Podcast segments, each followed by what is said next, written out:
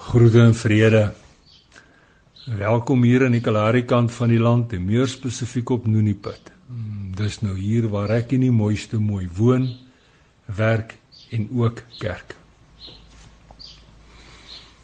Die nuwe vertaling of beter bekend as die 1983 vertaling se laaste gedeelte van die 6ste vers van Psalm 61 sê: U vervul die wens van hulle wat u naam eer. Vandag se storie se naam 'n hemelse glimlag. Kort neffens die warmste hemellig een oggend agter die verste sien uitgeloer het, lei die mooiste mooise selfoon. Sy het skaars geantwoord toe skok en hartseer adres in haar menswees maak, want hierdie oproep het doodstyding gebring. Koba is dood. Die skade van 'n tweede beroerte was te veel en te groot vir haar. Stil stil het sy iewers in gisteraand se donker nag met 'n glimlag op haar gesig gesterf. Maar daardie glimlag. Daardie glimlag was nie net hemelsbreed nie. Daardie glimlag was ook so wyd soos Vader se uitgestrekte genade. Die hartseer nuus van Kobus se afsterwe slaan diep in my en die mooiste mooiste binneste binnes en in, in ons menswees vas. Onwillekeurig dwing die behoefte ons om iewers in stilte te gaan wegkruip. Ons tuinbankie onder die pepebome langs die boerekerk se pastorie is die ideale plek daarvoor. Sy met 'n fyn porseleinkoppie vol tee en vir my my oranje beker vol koffie. Dis nou sonder woorde en sonder praat net stilte. Die mooiste mooi se helder oë kyk oneindig ver oor die vlak. En 'n skalkse glimlaggie bekruip haar mond. Skielik wonder ek of Proppie se onverwagse besoek gister deel is van haar dinkdinge. sien, Proppie was gister al vroegdag in ons kuierkombuis gewees. Groot askies het sy gesê met die inloop groot askies dat ek so saam met die son hier aankom pastoor, maar ek moet kom vertel wat gisterand na Bybelskool by Koba en Henrik se huis gebeur het. Ooh, die Here is tog so getrou. Hy is altyd getrou. Borrel haar woorde opgewonde oor haar lippe. Met proppiese woorde wat nog in die lug hang, sit die mooiste mooi die ketel bo op die ligblou gasvlammetjie. Van so vroegdag oorstaan moet begin word met ietsie warms vir die keel. Mevrou moet tog kom hoor.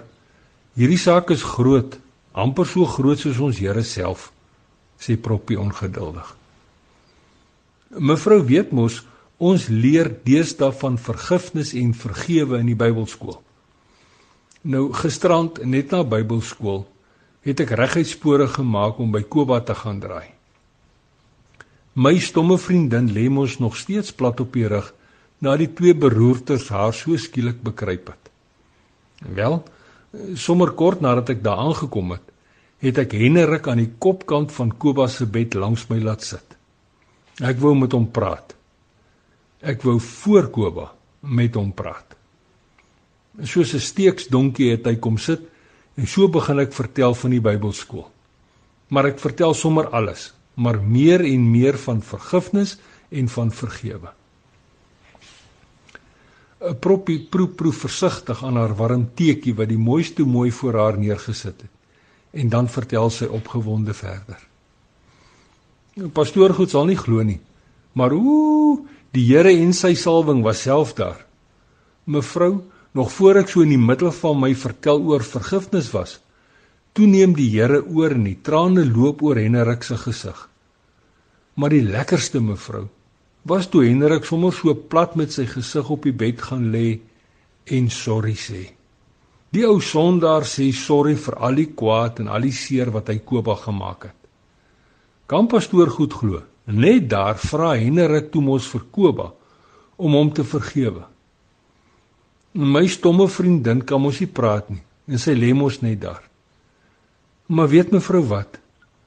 Koba praat toe met 'n glimlag met 'n hemelsbreë glimlag. Ai en toe, toe skreeu ons al te lekker dat die trane loop. En terwyl Proppie voortborduur, begin die mooiste mooi sy kykers sommer diep nat raak, want sy ken Koba en sy ken Koba se omstandighede. Diep dankbaar onthou sy van die vele geleenthede wat Koba kom tee soek het. Die soort tee wat net uit mevrou se hand kom. Tee uit 'n beker met baie suiker in. En so onthou die mooiste mooi ook dat voor daardie teebeker leeg is, Koba haar hart sal oopmaak om weer van haar diepste begeertes te vertel. 'n Begeerte om met haar eie ore te hoor dat Henrik vergifnis vra vir sy doen dinge.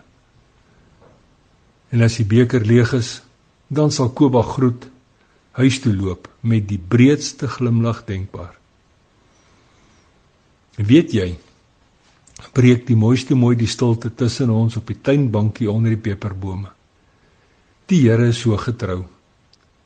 Koba het gekry wat sy die graagste wou hê. Sy het met haar eie ore gehoor dat Henrik vergifnis vra en sy kon hom met 'n glimlag vergewe. 'n Hemelse glimlag. 'n Hemelse glimlag so wyd soos Vader se uitgestrekte genade en dit dit nogal die aand voor haar afsterwe.